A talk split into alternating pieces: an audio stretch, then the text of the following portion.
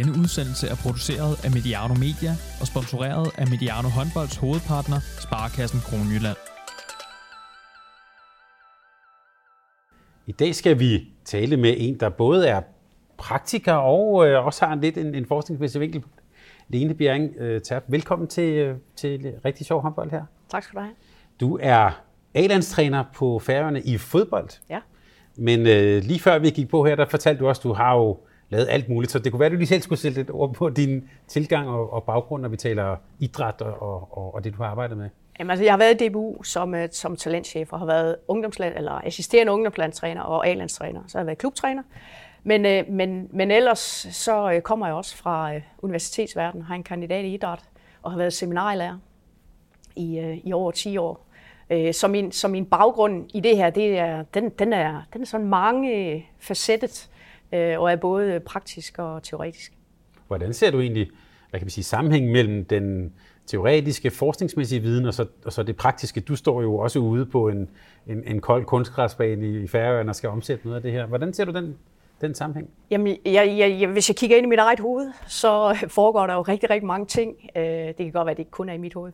Men, øh, men ellers så tror jeg, at det er sådan generelt for træner, at vi har, øh, at vi er, vi er egentlig meget opmærksomme og vi er, øh, vi er også teoretisk funderet, uanset om man egentlig har en teoretisk baggrund eller ikke, så har man noget, man lægger sin praksis op på. Og det er rigtig, rigtig mange ting ind i hovedet. Og så kommer forskningsverdenen, og så oplever jeg i hvert fald som praktiker, at, at der kommer nogle temaer op i de enkelte år, og nogle gange kommer de lidt sent, øh, men de kom, der kommer nogle temaer, som lige pludselig kommer til at fylde rigtig, rigtig meget. Og, og som praktiker, så skal man selvfølgelig forholde sig til, til temaer, som er oppe i tiden, og man kan ikke undgå øh, at lægge mærke til det. Men, men, men det er bare ikke altid det, der er det vigtigste i dagligdagen. Og hvis det der det bliver det vigtigste i dagligdagen, så ved man, så er det noget, man ikke når.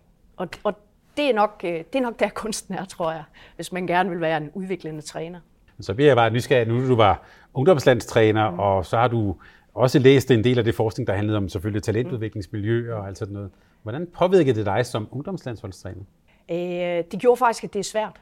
Jeg synes, at øh, ikke kun at være ungdomspladstræner, men, men at, være, at være børnetræner eller være ungdomstræner, om, uanset om det er på landsholdsniveau eller om det er klubniveau, det er, øh, det er en af de værste, altså ikke værst, men det er en af de vanskeligste opgaver som, som træner.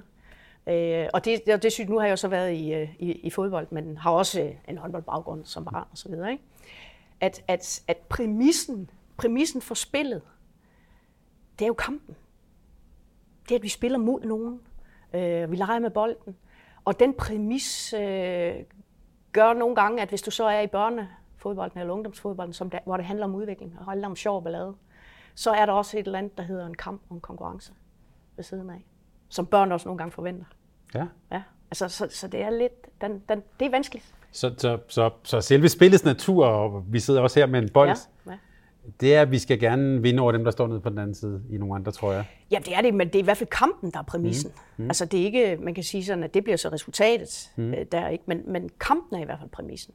Og så, og så må man jo finde ud af, hvordan man som træner, hvordan du øh, angriber kampen. Eller ja, altså hvordan du bruger kampen. Mm. At det ikke kun, nu sagde du resultatet, men at det ikke kun bliver resultat, men at det bliver kampen. Hvordan har du, tak, hvordan har du taklet så det dilemma? Eller den... Det bøvler med hele tiden, øh, så vil jeg sige og forsøge at give nogle forklaringer og, og, og, og prøve, altså vi, man har også en forpligtelse til at blive så vidende, som du overhovedet kan, øh, sådan så du, sådan, så du prøver i det mindste at tage nogle beslutninger på en, på en oplyst baggrund. Mm. Og det kan man bare ikke altid. Øh, eller man kan jo ikke gøre det til, til, til at du ved alt. Men man, man, man har en forpligtelse til at, at gøre, hvad man kan, synes jeg. Men det var da nu som, som, som A-landstræner i, øh, færøerne der. Hvad, hvad bliver du egentlig målt på så der? Hvad, hvornår er man en god landstræner der? Det er øh, faktisk et interessant spørgsmål, fordi det er jo ikke... Jo, det kan godt være et resultat, men så, så, så var jeg nok stoppet. Mm. fordi det er, det er bare det er meget, meget vanskeligt. Altså i, i princippet er det jo tæt på den... Øh, men det er egentlig også det, der tænder mig lidt. Det, det er den umulige træneropgave. Ikke? Altså der, der er begrænset rekrutteringsgrundlag. Der er både en kultur og en natur, som jo på nogle punkter taler imod det. Og også en geografi, der taler lidt imod, at det her det kan lade sig gøre. Men øh, det kan godt lade sig gøre lige. Øh, vi synes så ikke, det er så sjovt, når vi øh, skal møde nogle af verdens bedste. Mm. Men sådan er det. Men det der, det kan vi jo lige lave en kobling til, det der, ja. det leder til, at det er noget, der motiverer dig, det der med din Ja, altså, det er 100% en træneropgave. Ja. Mm. Altså, at det, det er 100% en udviklingsopgave. Mm. Det er, altså, at, at jeg kan ikke bare finde en anden, for der er ikke en anden. Altså, og, og vi kan ikke bare købe nogen, og, øh, og man kan ikke bare sige, du ikke... Øh, altså, det handler om, hvordan træner vi de her spillere. Så, så på den måde er det egentlig et meget, meget fint studie. Et, et forskningsstudie, fordi det er så afgrænset. Øh, og det er heller ikke så meget om, at man har valgt de forkerte. Man har bare valgt dem, der er der. Det kan vi sige, det er så din motivation. Hvordan, hvordan har du også som ungdomslandstræner, sådan, hvordan har du oplevet det at skulle øh, arbejde med motiverede mennesker, eller måske også at det at skulle lave miljøer, hvor folk bliver motiveret? Altså, jeg, jeg, jeg, jeg tror, at, at, at det er øh, sjov håndbold. Altså, det bliver sjovere, jo bedre det bliver. Og, og sådan er det bare. Så, så det, det egentlig handler om, det er at, at, at, at skabe et miljø, hvor alle bliver bedre. Uanset om det er fra A til B, eller om det er fra A til O. Ikke? Altså, at, at, øh, at det, er et, øh, det, er et, øh, det er et miljø, hvor, hvor man har lyst til at komme, fordi man, man bliver bedre og bedre, og på et eller andet tidspunkt knækker man koden, sådan så man faktisk ikke behøver at, at have nogen, der hjælper dig med det, men at du, men at du selv kan være i det. Hvis, man, hvis man går ind og kigger på motivations- eller læringsteori, så er det jo også, altså der hvor det faktisk er vanskeligst at være i et miljø, det er, når du ikke kan finde ud af det. Altså der er det virkelig, virkelig vanskeligt, fordi det er der, du bliver frustreret, det er der, hvor du er helt opgivende og tænker, jeg, jeg får aldrig bolden, de andre er større end mig, eller altså at, at jeg har ikke en chance. Men, men det er nemmere at være god, og være i et for, hvad kan man sige, ikke matchende miljø, at være i et let miljø. Det er meget nemmere, fordi så kan jeg bare begynde at lege. Øh, og jeg kan begynde at finde på alt muligt. Ikke? Altså, så, så den dygtige spiller har faktisk nemmere ved at være i et, hvad kan man sige, dårligt træningsmiljø, end, end, end den dårlige spiller har. Eller den uøvede, eller uprøvede, sådan kan vi også sige. Ikke? Du har vel også prøvet at have øh, grupper, hvor der var øh, meget stor forskel på niveauerne. Altså, ja. du nævner nogle, der er meget dygtige og, ja. og Hvordan griber man egentlig det an som træner? Jamen, det er jo pisse det er det jo. Altså, det, det er jo også et, øh, vi lavede også projekter med det i skolen, altså i, i skoleidrætten. Altså differentiering i skoleidrætten, det, det er jo også vanskeligt, og det er vanskeligt ude i, ude i klubberne. Og så får man sådan lyst til at sige, det bliver meget bedre, når vi deler dem lidt op. Så bliver det, så bliver det nemmere, nogle gange bliver det nemmere for spillerne måske at være der. Det ved vi faktisk ikke. Eller også så bliver det nemmere for træneren øh, fordi så, så skal jeg komme med et, og det, det er sådan meget harmonisk, det her. Ikke? Mm. Øh, så derfor så får man lyst til at gøre det her. Øh, også fordi det handler også lidt om, om, de kan også være forskellige motivationssteder. De kan også godt være at forskellige steder, at en skal måske hjælpes på en anden måde, skal måske, vi helt ned og instruere en, og en anden øh, har ikke brug for den her instruktion. Så, så den dygtige kan blive lidt irriteret over, at der bliver brugt tid på en instruktion. Øh, hvorimod vi kan stå og sige, at det er nødvendigt. Hvis jeg skal gøre de her bedre, så bliver jeg nødt til at instruere lidt på, og være lidt mere over dem her, end jeg øver med den med. Og så får man nemlig lyst til at lave, at Nå, men så dem her skal vi så ikke, så, så laver vi en gruppe for dem, og så laver vi en gruppe for dem der. Øh, men, men, men det er jo bare sådan, at, at, at, øh, at hvis, vi er i, hvis vi er i holdidrætterne, så handler det om mange andre ting. Det handler også om, om, om, de her, de synes om hinanden, om spillerne, og, og vi oplever, eller jeg hører i hvert fald mange gange, børnene siger, fordi det er dem, vi skal huske at spørge os, ikke? og kigge i øjnene en gang imellem. Og de siger, jamen jeg vil hellere være sammen med dem, jeg går i skole med. Eller jeg vil hellere, og jeg vil hellere være bedre sammen med mine bedste kammerater. Og det bliver vi også nødt til at, at lytte til. Men så må man jo finde et eller andet måde, altså at, at hvis vi skal, vi skal jo differentiere på nogle parametre. Vi skal også differentiere i nogle spil, fordi vi skal, vi skal jo nå børnene, øh, eller de unge mennesker at, at så må man starte i lidt større grupper og så lave en differentiering, som sådan foregår på, på klubtræningsniveau fra gang til gang måske, ikke? hvis man kan håndtere det. Men det kræver, at man, er, at man har en god, en god øh, organisering i klubben, og at, øh, og at man har nogle trænere, som har lidt tid til det, og som kan overskue det der. Ikke? Og det er nok der, vi, øh, jeg tror, den største udfordring i alt det her, det er, at, at, at i den frivillige verden, hvor øh, den pisse og den skal vi gøre alt, hvad vi kan for at holde fast i, sådan som vi har den. Men, men der er også stor udskiftning. Så øh, nogle gange, når spillere falder fra eller så videre, så tror jeg, det lige så ofte er fordi, at trænerne skifter, falder fra. Der er organisationsændringer i klubben. Der er rigtig mange omverdensfaktorer, som går ind og påvirker på det der. Øh, så det mest stabile miljø, ikke? Det, det er nok det, der i det... længden er det bedste for børnene. Jeg tror, vi skal passe på med, og det, jeg læste en eller anden artikel, øh, en, øh, en svensk uh, idrætsforsker på, at, at vi skal passe på, at vi ikke lægger for meget vægt på frafald. Altså fordi det der frafald, altså det handler jo om, at øh, den 15-årige dreng, ikke, han, han, han, han jo på et tidspunkt lige kigger, om han har fået liket fra den søde pige i klassen. Og hvis han har fået det, så er det jo hans frafald nogle gange. Og, og det er måske ikke så dårligt frafald. Altså, jeg, jeg tror jo, de falder over i et eller andet, der er lige så godt. Noget andet, der er lige så godt, ikke? Øh, så, så jeg tror egentlig, at, at i første omgang, så skal vi... Øh, så skal, vi, øh, så skal vi gøre et eller andet for, at tilvalget bliver godt. Og så skal vi, så skal vi prøve at have nogle stabile miljøer ude i klubben. Øh, så det ikke kun er spillerne, der har det godt, når de er derude, men at trænerne også har det godt, når de er der. Ja, og det kan jo måske være svært i sådan en, en frivillig verden, ja, øh, hvor, ja. øh, og, og som vi også ved for håndbolden, rigtig mange forældretræner også, ja, som, ja. som måske så jo også falder fra undervejs. Jamen, og så tror jeg også, at vi skal, vi skal passe på med, der hvor vi startede, ikke, med at, at, man, at, at, at den der forskning, den bliver trukket op og bliver lige pludselig gjort rigtig, rigtig stor. Så er der nogle frivillige trænere, der tænker, det, det kan jeg slet ikke overskue, mm. det der. Altså i år, i sidste år var det det der, der var stort, og i år er det det der, der er stort, og, og det ved jeg ikke noget om, så jeg må nok hellere holde mig lidt væk. Lene, når vi taler om differentiering, så er der også et begreb, som, som også er i rigtig sjov håndbold, som handler om det her relativ alderseffekt. Ja. Hvad handler det om? Jamen, øh, det, lad os, hvis vi tager det som gruppe, så vil det ofte være sådan, at øh, børn, der er født oktober, november og december, de er gode grunde født lidt senere på året, end dem, der er født i januar, februar og marts. Så de er måske modenhed, modenhedsmæssigt en lille smule yngre. Og i gennemsnit måske lidt mindre. Og specielt når, når vi taler med de mindste børn, så er der jo kæmpe forskel på, om man er fem år eller om man er fem og et halvt år. Eller måske endda næsten seks år mellem to. Ikke? Øh, og så øh, tyder det på, mange af de undersøgelser, der er lavet, det er lavet på ungdomslandshold, i enten ishockey, håndbold eller fodbold. Og der har der i de sidste 40 år, jeg tæt på at sige, at vist sig, at på sådan et typisk et U17 drengehold, i enten ishockey eller fodbold eller håndbold, der har det vist sig, at der var der flest drenge, der var født i de første to kvartaler. Det vil sige tidligt på året. Så man har sådan i gennemsnit, så vil man sige, at de drenge var nok en lille smule mere modne, end dem, der er født senere på og måske større og stærkere hurtigere, fordi de er gået tidligere på pubertet.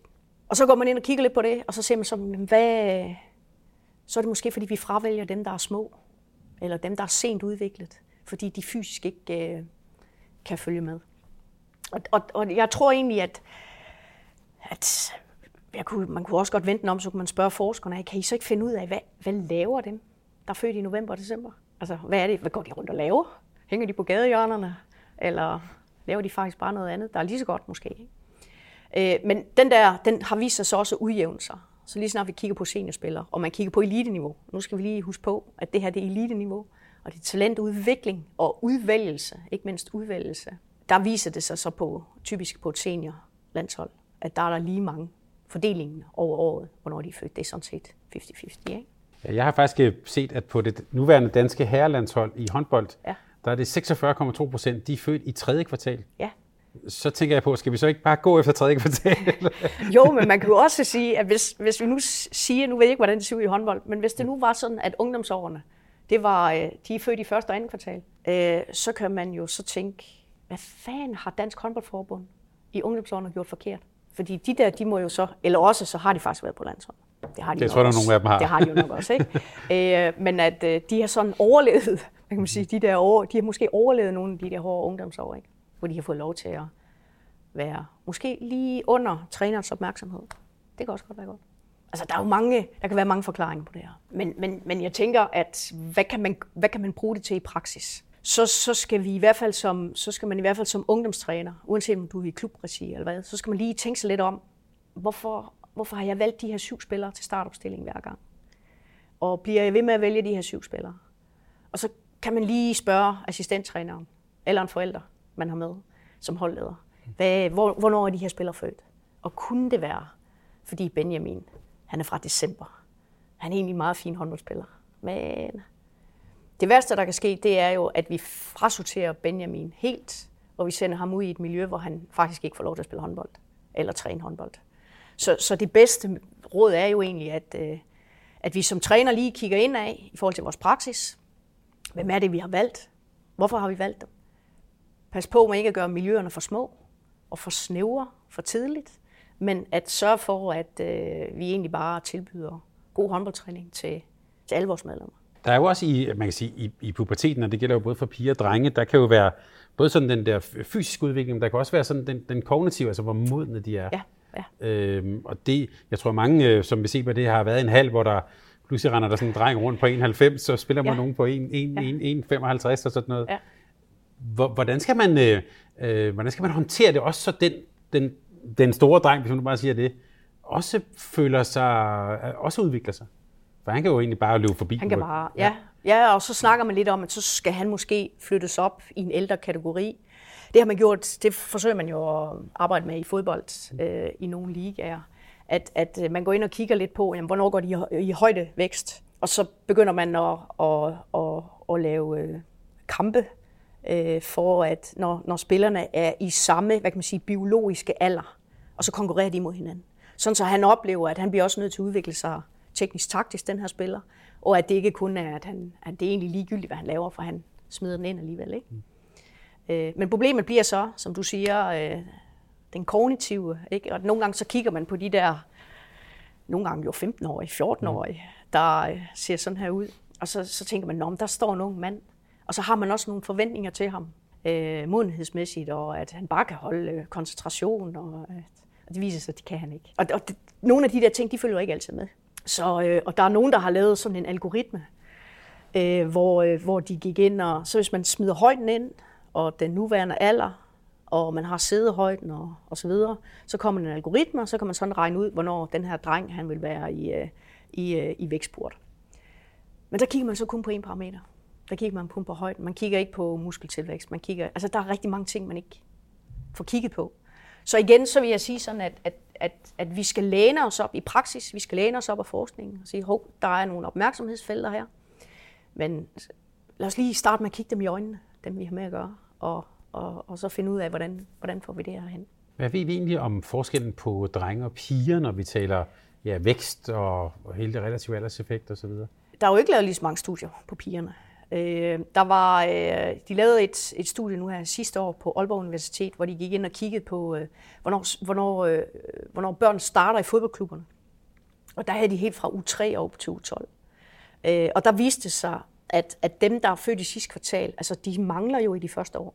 Og der tror jeg på, at det er forældrene, der holder lidt igen, eller, eller at man faktisk ikke er så moden til at starte med at spille fodbold, øh, når man, hvis man er født i, i november eller december. Øh, Øh, men som det udligner sig også. Men det viste sig faktisk, at det var det samme på pigesiden. Og der er det lige præcis alderen, der har større betydning end, hvad kan man sige, puberteten øh, har. Når vi først kommer ind i puberteten, altså norsk studie har vist, at der, der er stort set ikke nogen øh, fysiske forskelle øh, mellem piger og drenge op til de 12 år. Og der, der havde de både i, øh, i øh, de, de havde både, de samlede både med, med skiløber og, øh, og, øh, og boldspilsgrupper. Øh, men lige når man går i puberteten, så sker der også noget på pigesiden, og, og hormonelt er den jo, øh, er spejlet en lille smule anderledes jo, eller i hvert fald en afgørende anderledes i forhold til, i forhold til hvordan det er på drengsiden. Øh, og der kan pigerne faktisk i en periode godt begynde at se lidt langsomt ud, øh, som, som kan gøre, at, øh, at, øh, at i hvert fald i fodbold, at, at man hellere vil have den lidt yngre med, fordi hun kan se lidt lettere ud til bens. Øh, og i fodbold har vi noget mere plads at gøre på, ikke? Øh, så, så, så de kan se lidt lettere ud, når de er 16 år. Nogle af dem, når de er 16 kan se lidt lettere ud end den 18-årige eksempelvis. Øh, det er lidt anderledes i håndbold. Der er, fysisk er det et andet spil, ikke? Men, men det er noget af det, øh, som vi faktisk mangler noget mere viden på. Jeg synes, man nogle gange hører, at, øh, øh, at pigerne er færdigudviklet før end drengene. Altså, og at, at man også i hvert fald i håndbolden taler om nogle gange, at, at pigerne kommer, altså i en ung alder kommer ind på et seniorhold, hvor de på herresiden, der tager det lidt længere tid. Er det overhovedet rigtigt? Jamen, det kan det måske være, fordi at gruppen af, hvad kan man sige, af, af seniorspillere på, på, på, på kvindesiden er, er mindre. Så det vil sige, at konkurrencen, altså der er bare flere pladser. Så det vil sige, at der er også flere åbne pladser for de unge talenter. Øh, og det er måske godt nok. Øh, sådan er det i nogle fodboldmiljøer, eksempelvis på, hos mændene. Ikke? At, at der er også nogle pladser for de unge spillere, og for at få lov til at... Så, så jeg tror også, altså der, der, der er flere forklaringer på den der, ikke? Men, men der er måske bare flere pladser.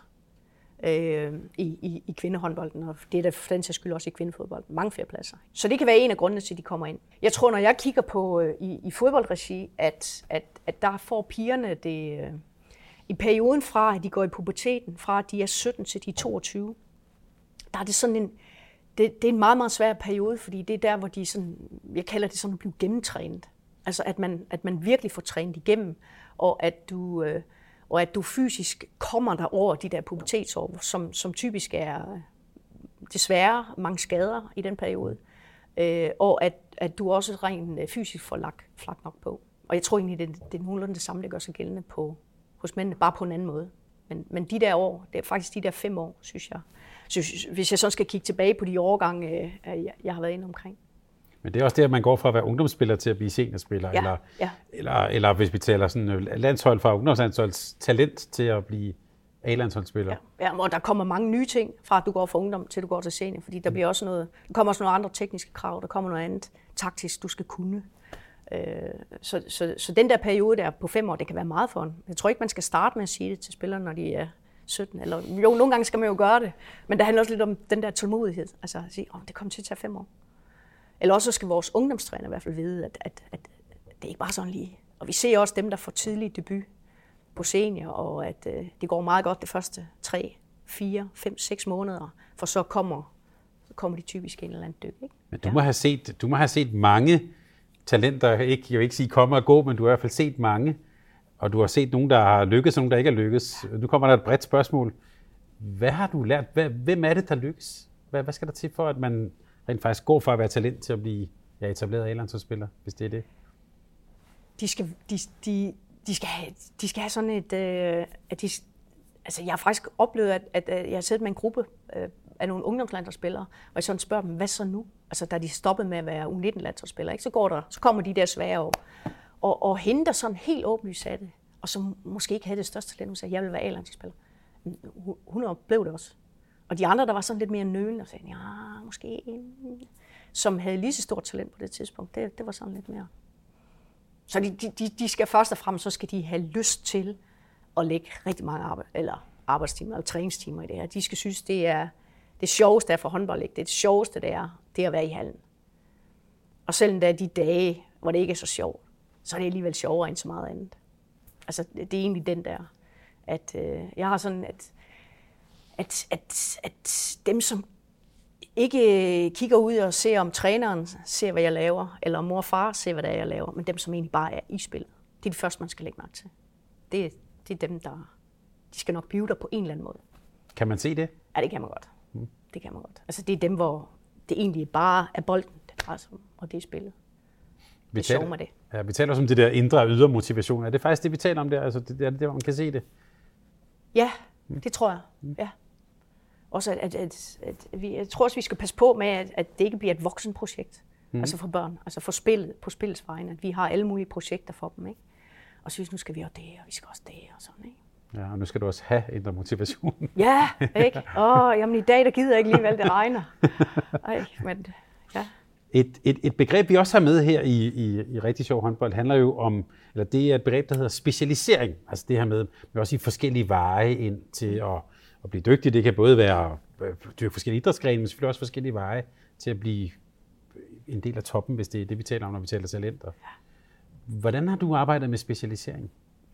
Ja, jamen, jeg har jo arbejdet med det, at jeg sad som, øh, som øh, struktureret talentudvikler på et tidspunkt, for mange år siden efterhånden. Mm. Øh, U17-spillere, som øh, også spillede håndbold, og som var inde omkring øh, U16-landsholdet i håndbold, og så skulle de ind omkring U17-landsholdet i fodbold.